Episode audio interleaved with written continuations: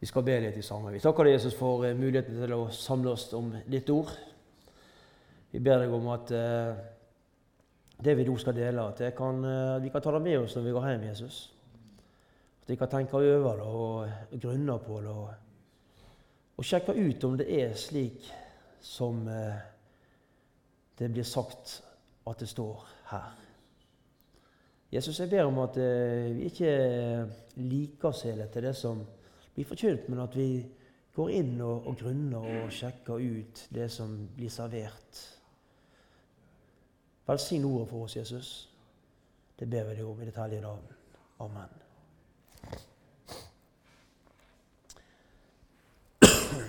Vi skal ta fram litt om eh, det som har med å, å glede seg i Herren. Du som er en kristen, du har jo all mulig grunn til å glede deg i Herren. Vi synger en sang 'Jeg vil prise min gjenløser' for hans store kjærlighet.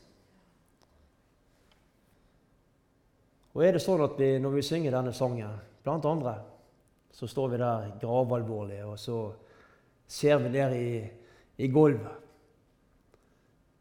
jeg, jeg, legger merke til det når jeg er rundt forbi. og Jeg syns det er flott her i Arken å se at mennesket er med når vi, når vi synger.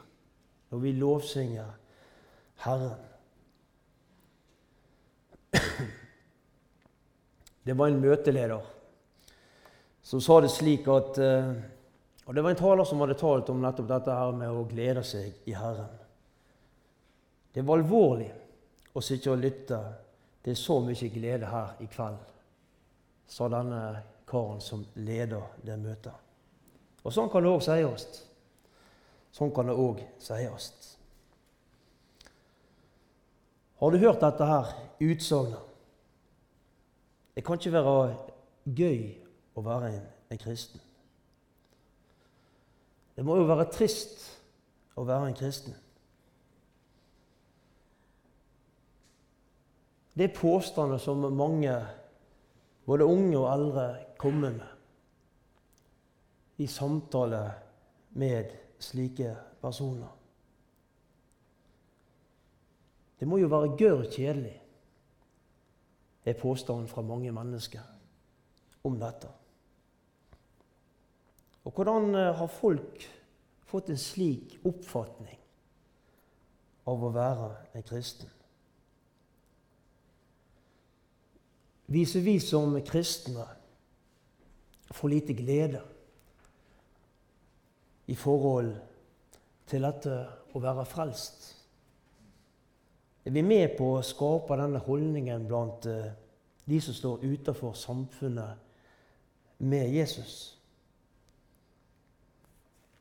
Filipperbrevet kapittel 4 skal vi lese. Og Vi skal lese vers 4 og 5, så du har sikkert lest mange ganger før. Der står det Gled dere i Herren alltid. Igjen vil jeg si, gled dere. La deres sakmodighet bli kjent av alle mennesker. Herren er nær. Nei, sier du kanskje nå. Hva er det nå eh, Viljen snakker om? At jeg skal glede meg i Herren alltid. Jeg med alle de problemene, alle de utfordringene som jeg har i livet. Det går jo ikke an å si noe slikt.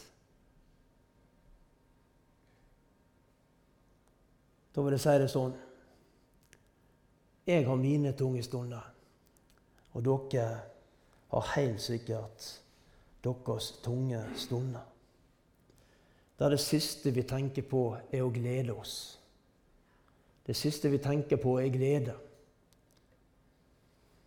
I Salme 5 og i fravers 12 Salme 5 og vers 12 og 13 kan vi lese. Men alle de som tar sin tilflukt til deg, skal glede seg. Til evig tid skal de juble. Skal verne, du skal verne om dem, og de, skal, de som elsker ditt navn, skal fryde seg i deg. For du, Herre, velsigner den rettferdige. Som med ditt skjold dekker du han med nåde. Og Blar vi et, eh, et blad videre, så kommer vi til Salme 9, vers 3. Jeg vil glede og fryde meg i deg. Jeg vil låsinge ditt navn, du høyeste. Gleden og lovsangen hører med til kristenlivet. Og det var godt å sitte her og høre på Mie og se og høre på dere andre. Det å være aktiv, det å oppleve det at det å lovsynge, det å lovprise Jesus, det, det, er godt. Det er godt å ha det slik her i arken.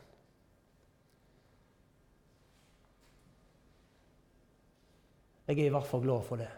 At her i arken så kan vi få lov til å være oss sjøl ikke pynte på oss for den sidemannen, men vi skal få lov til å kunne være oss sjøl. Og føle at en eh, vil takke og lovprise Herren, så gjør en det.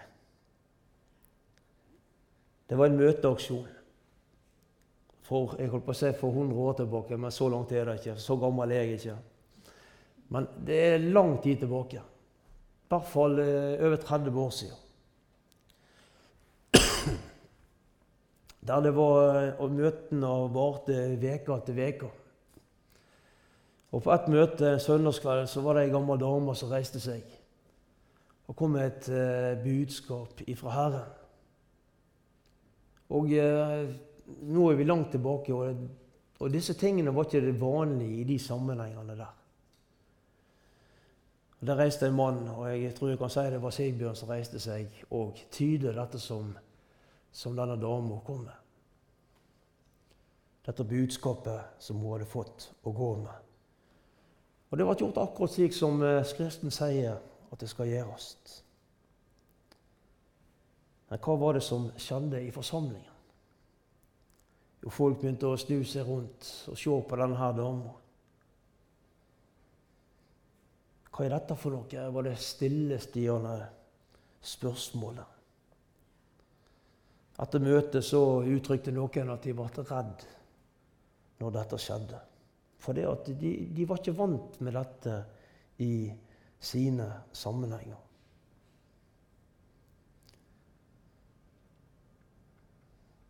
Du har kanskje vært på møte og hørt noe som virkelig gleder ditt hjerte. Som berører ditt hjerte. Og så har du lyst til å ut, utbryte, kanskje i et halleluja. Men så tør du ikke. Fordi det, det er ikke vanlig i, de, i, den forsamlingen som du har, kanskje er på besøk i. Jeg er glad at det ikke er slik i arken.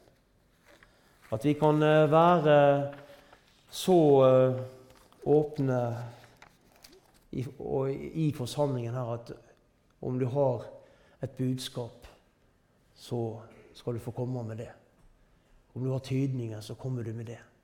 Og så kan vi få oppleve det at nådegavene er i funksjon her i menigheten. Føler du behovet for å utbryte et halleluja, så gjør det ingenting, og så er det ingen som sier noe på det. Vi skal ikke være redd for å uttrykke glede. Har du ikke noe å glede deg over, du som er en kristen? Jeg vet av erfaring at eh, det er ofte de negative tingene i livet som lett kan ta, ta overhånd. At det er dette vi fokuserer på. Og så kan det lett bli slik av og til med, med oss mennesker. Men la, oss, eh, la denne gleden få være en, en grunntone, for å si det slik, i ditt indre. La gleden være en grunntone i ditt liv. Jeg sier ikke det at vi skal gå rundt og smile hele tida. Det er ting i livet som, eh, og omgivelsene rundt oss som, som gjør at uh, ting kan være vanskelig og trist og lei. Som gjør oss leie. Der vi blir lei oss. Der vi blir bekymra, osv. Men så er det slik at da skal vi også få lov til å komme til Jesus og rope i vår nød. Og han hører oss. Men også når vi har det vanskelig, når vi er hardt prøva, skal denne grunntonen av glede få være til stede i våre liv. Hva var det Paulus og Silas gjorde da de satt i fengselet? De satt ikke der med, si, med armene i, i kryss og hadde gitt opp på noe som helst måte. Og Det står det at de holdt bønn og låser til Gud midt i smerten som de hadde. Og Hvis vi blar opp i, i apostelgjerningene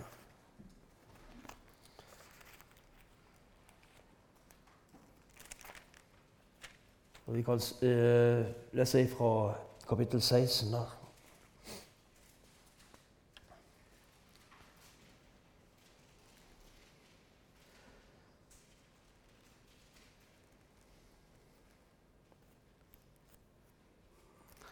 Jeg leser fra vers 22 i kapittel 16. Folkemengden reiste seg også imot dem. Styresmennene rev da klærne av dem og lot dem hudstryke. Da de hadde gitt dem eh, mange slag, kastet de dem i fengsel og befalte fangevokteren å passe godt på dem. Da han fikk en eh, slik ordre, satte han dem i det innerste fangerommet og satte deres føtter fast i stokken. Men ved midnattstid holdt Paulus og Silas bønn og sang lovsanger til Gud, og fangene hørte på dem. evangeliet. Det er glade budskap om at det var en som betalte vår synd. Det var en som tok straffen som vi i utgangspunktet skulle hatt.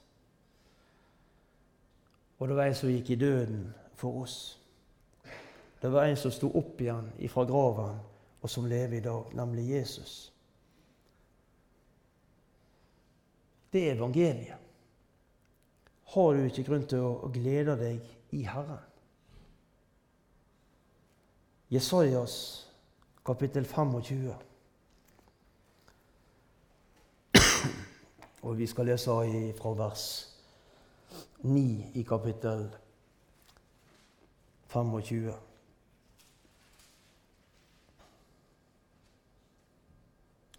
Vi leser fra vers 9b, siste delen av vers 9. Dette er Herren som vi ventet på. La oss fryde og glede oss i Hans frelse. Og i Lukas kapittel 6 så står det òg eh, et lite vers.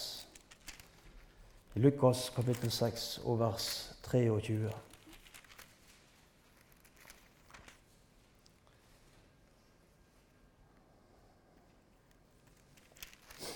skal lese, ja, vi kan lese verset 'Gled dere på den dagen, og spring av fryd', står det her. Gled dere på den dagen, og spring av fryd. I en annen oversettelse så står det 'hoppe av fryd'. Hoppe av fryd. Ikke bare for det som eh, venter oss der framme i himmelen, men eh, dere skal få glede dere, står det, over det som dere har her og nå. Gled dere over at dere har venner og familie som er glade i dere. Gled dere eh, over Guds fantastiske og frodige natur. Det er noe vi har lov til å glede oss over. Vi skal få lov til å glede oss over at vi er frelst. Og du skal få være med, være med og formidle denne gleden. Dette glade budskapet. Det er ikke noe trist og tregt budskap vi har med å gå. Nei, det er et, eh, det er et fantastisk gledelig budskap vi, skal, vi får lov til å, å gå med. Vi skal eh, bla opp i Stefania. Det er kanskje en profet som vi kanskje ikke leser så mye ifra.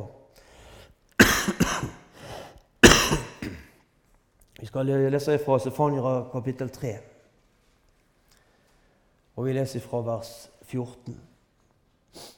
Rop av fryd, Sions datter. Rop høyt, Israel. Gled deg og fry deg av fullt hjerte, Jerusalems datter. Herren har tatt bort dine straffedommer. Han har ryddet bort din fiende. Israels konge, Herren, er i din midte. Du skal ikke mer se noe ondt. På den dag skal det bli sagt til Jerusalem, frykt ikke Sion, la ikke hendene synke. Herren i Gud er midt iblant deg, en helt som frelser. Han fryder seg over deg med glede. Han tier i sin kjærlighet. Han jubler over deg med fryderop. noen punkt ut ifra det vi leste her nå. Vi leste om jubel. Du skal få lov til å bryte ut i jubel og lovsang til vår Gud. Vi leste om fryd. Du skal få lov til å fryde deg over å være en kristen. Du skal få fryde deg over Guds fantastiske skaperverk. Vi leste om glede. Du skal få glede deg over at andre er glad i deg. At du har en familie, at du har venner som bryr seg om deg, og som er glad i deg. Og det er ikke noe selvfølge i den verden vi lever i i dag, at det er slik. At det er noen som bryr seg om den andre. For å gå tilbake til eh, for meg gamle dager. Da jeg som eh, vel 20-åring eh, reiste til Libanon. Jeg bodde i en by som heter Blått. Jeg skal ikke si så mye om tjenesten, men det, det var en fin tid. Jeg lærte veldig mye. Men jeg satt en dag, det satt en dag utenfor huset der jeg bodde en liten gutt som heter Salin. På den tiden så var han eh, seks år gammel. Han satt der ute og grein. Og Jeg hadde litt tid før jeg skulle på vakt, så jeg satte meg ved siden av og spurte hva, hva det var som var galt. Ja, det var ingen som ville være med han. Og Sånn har vi dere som har hatt unger og, osv. Vi vet jo det at av og til så er det noe som skjer. Sant? Og så så er det noe som ikke vil være med den andre, og så har du det gående. Og slik hadde denne karen det. Det var ingen som ville være med ham.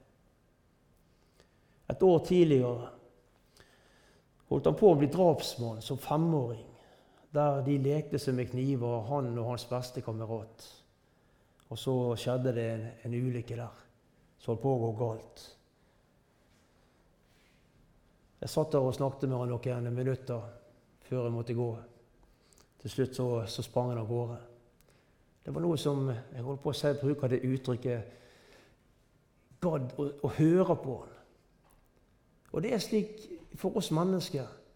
Det er ikke alltid så, så masse, mange ting som skal til, i mange ord som skal til, men at det er noe som bryr seg om en. Der mor og far reiste ut på markene tidlig om morgenen, lenge før denne gutten var stått opp og kom hjem seint den minste av åtte søsken, så var ikke det så lett. Men så var det så lite som skulle til for at dagen kanskje kunne bli litt, litt bedre. Noen som er glad i, i deg. En venn, familie osv. Herren har fridd deg fra straffedommen, leste vi. Du skal få glede deg over at Jesus har tatt på seg din straff. Han har kjøpt deg fri med sitt eget blod.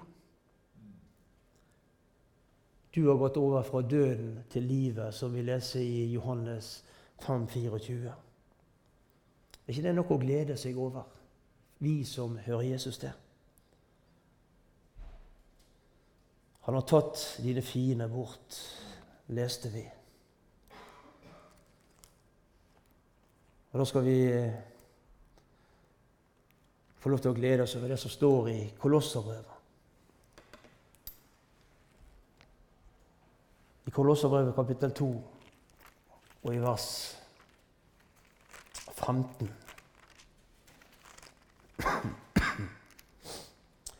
Han har avvæpnet makten og myndighetene og stilt den åpenlyst til skue da han viste seg som seierherre over dem på korset.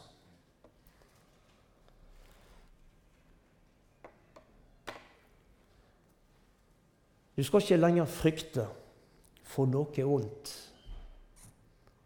og vi òg er nå.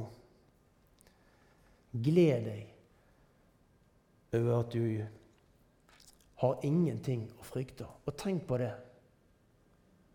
For virkeligheten vår er en annen for mange. Der vi bekymrer oss for alt mulig. Og så leser vi i Jesaja 41, som vi har lest her eh, mange ganger, om at ikke vi har noen ting å frykte. Jesaja 41, vi kan lese vers 10 og vers 13. Frykt ikke, for jeg er med deg. Så er det ikke engstelig om, for jeg er din Gud. Jeg styrker deg og hjelper deg og holder deg oppe med min rettferds høyre hånd. For jeg er Herren din Gud, i vers 13. som holder deg fast ved din høyre hånd, og som sier til deg, frykt ikke, jeg hjelper deg.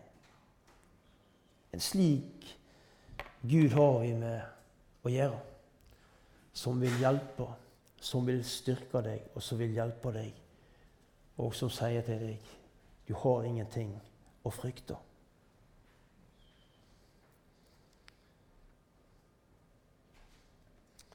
Herren din Gud er hos deg, en helt som har makt til å frelse. Frelse leste vi også i disse versene.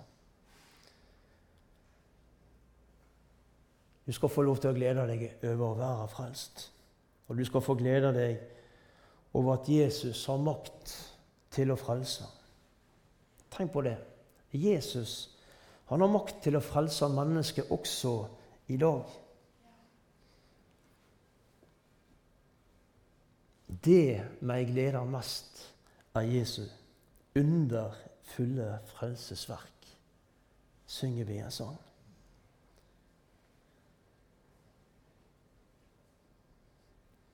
Er det slik med oss at det er Frelsesverket som gleder oss?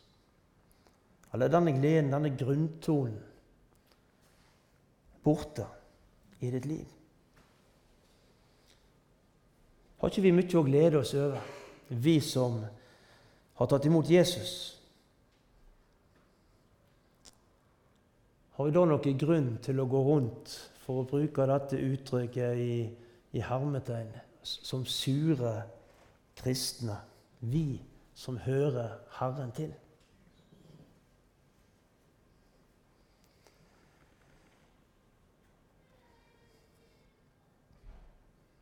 Slik vil de kristne oppfatte av mange som står utenfor.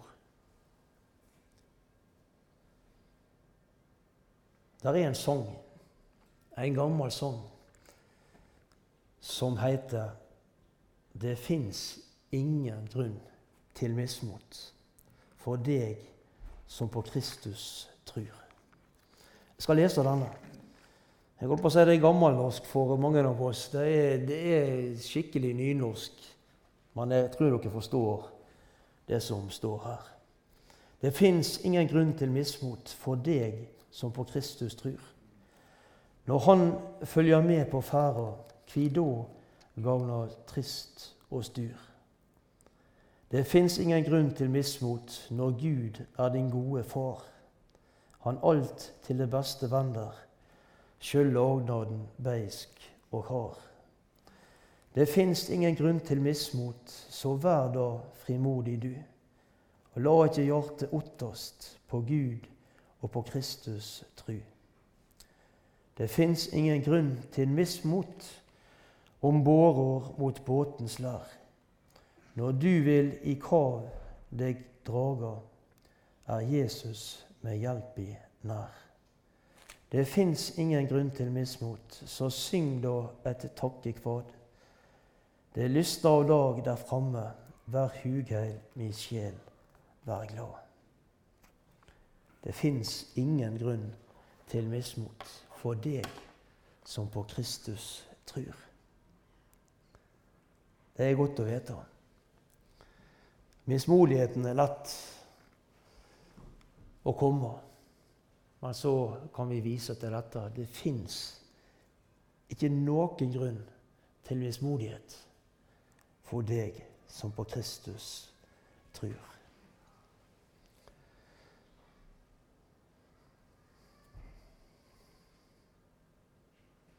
Hvordan skal vi nå de som står utenfor, med denne gleden? Hvordan skal vi hvordan skal de få del i denne gleden? Hva skal vi gjøre? Jo, ved å forkynne evangeliet. Være tru mot evangeliet. Forkynne det rent og klart, slik det står i Guds ord. Hva var det apostlene gjorde? Det kan du lese om i apostelbrevet Apostelgjerninga 5, 42. Der står det både i tempelet og i hjemmene fortsatte de dag etter dag å lære å forkynne evangeliet om Jesus som Messias. Eller hva gjorde Paulus?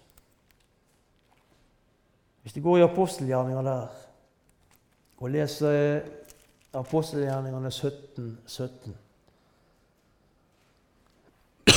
så står det slik I synagogene samtalte han med jødene og dem som virket Gud. Og på torget samtalte han hver dag med dem han traff på.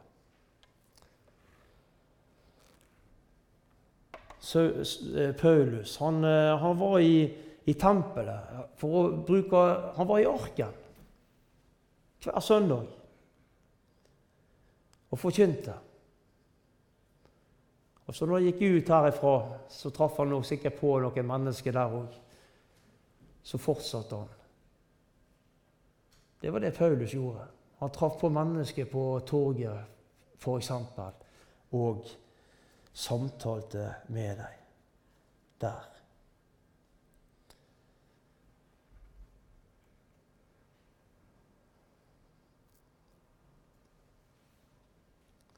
Har du tenkt over hvor mange muligheter du har i løpet av en dag? I løpet av én dag å formidle det glade budskap. Ifra du står opp om morgenen, noen oppe i femtiden, andre ligger ut på dagen. Og så går de og legger seg seint. Det er mange timer. Det er mange timer. Og gjennom disse timene her så treffer vi på mennesker. Jeg, i min jobbsituasjon, treffer på mennesker. Og vi har muligheter, alle, til å få kunne formidle, sagt noen ord om Jesus. Ikke alltid de mange ordene som skal til den måten vi kan vise på at vi er overfor andre, kan også tale for seg. Gå derfor ut, sier Jesus i misjonsbefalingen. Og Det er ikke bare et sagt til de som reiser rundt som forkynner eller står på en talerstol eller uh, misjonerer eller hva det måtte være. Det er sagt til hver enkelt av oss som sitter her i dag, som er Jesu etterfølger. Gå derfor ut. Bruk anledningen når vi treffer mennesker på vår vei, og tingene legger seg til rette. Det er lett å, det er lettest å sitte i godstolen hjemme og si det at nei, i dag får du gå, bruke en annen. I dag får du gå til en annen og spørre hvorfor skal du gå til meg denne dagen òg? Jesus ønsker at vi skal være hans etterfølgere. Og han trenger oss til den oppgaven. Dette er vårt ansvar. Så kan vi alle være med og be om, og mot og styrke og kraft om gjøre, at Han skal gjøre oss villige til å gå når Han kaller oss til tjeneste. Vi skal få be om styrke og vi skal be om kraft til å gå i hans fotspor. Og jeg har lyst til å sitere et vers fra mot 17 og fra Filippabrevet kapittel 4. Der vi begynte i dag. Filippabrevet kapittel 4, og vi skal lese vers 13. Alt makter jeg i Han som gjør meg sterk. Alt makter jeg i meg sjøl. Det står det ikke. Men i Han. I Han som gjør meg sterk. Som gjør dere sterke. Vi blir ikke sterke i oss sjøl, men Han skal få gjøre oss sterke til å gjøre den gjerningen som Han vil at vi skal gjøre for Han.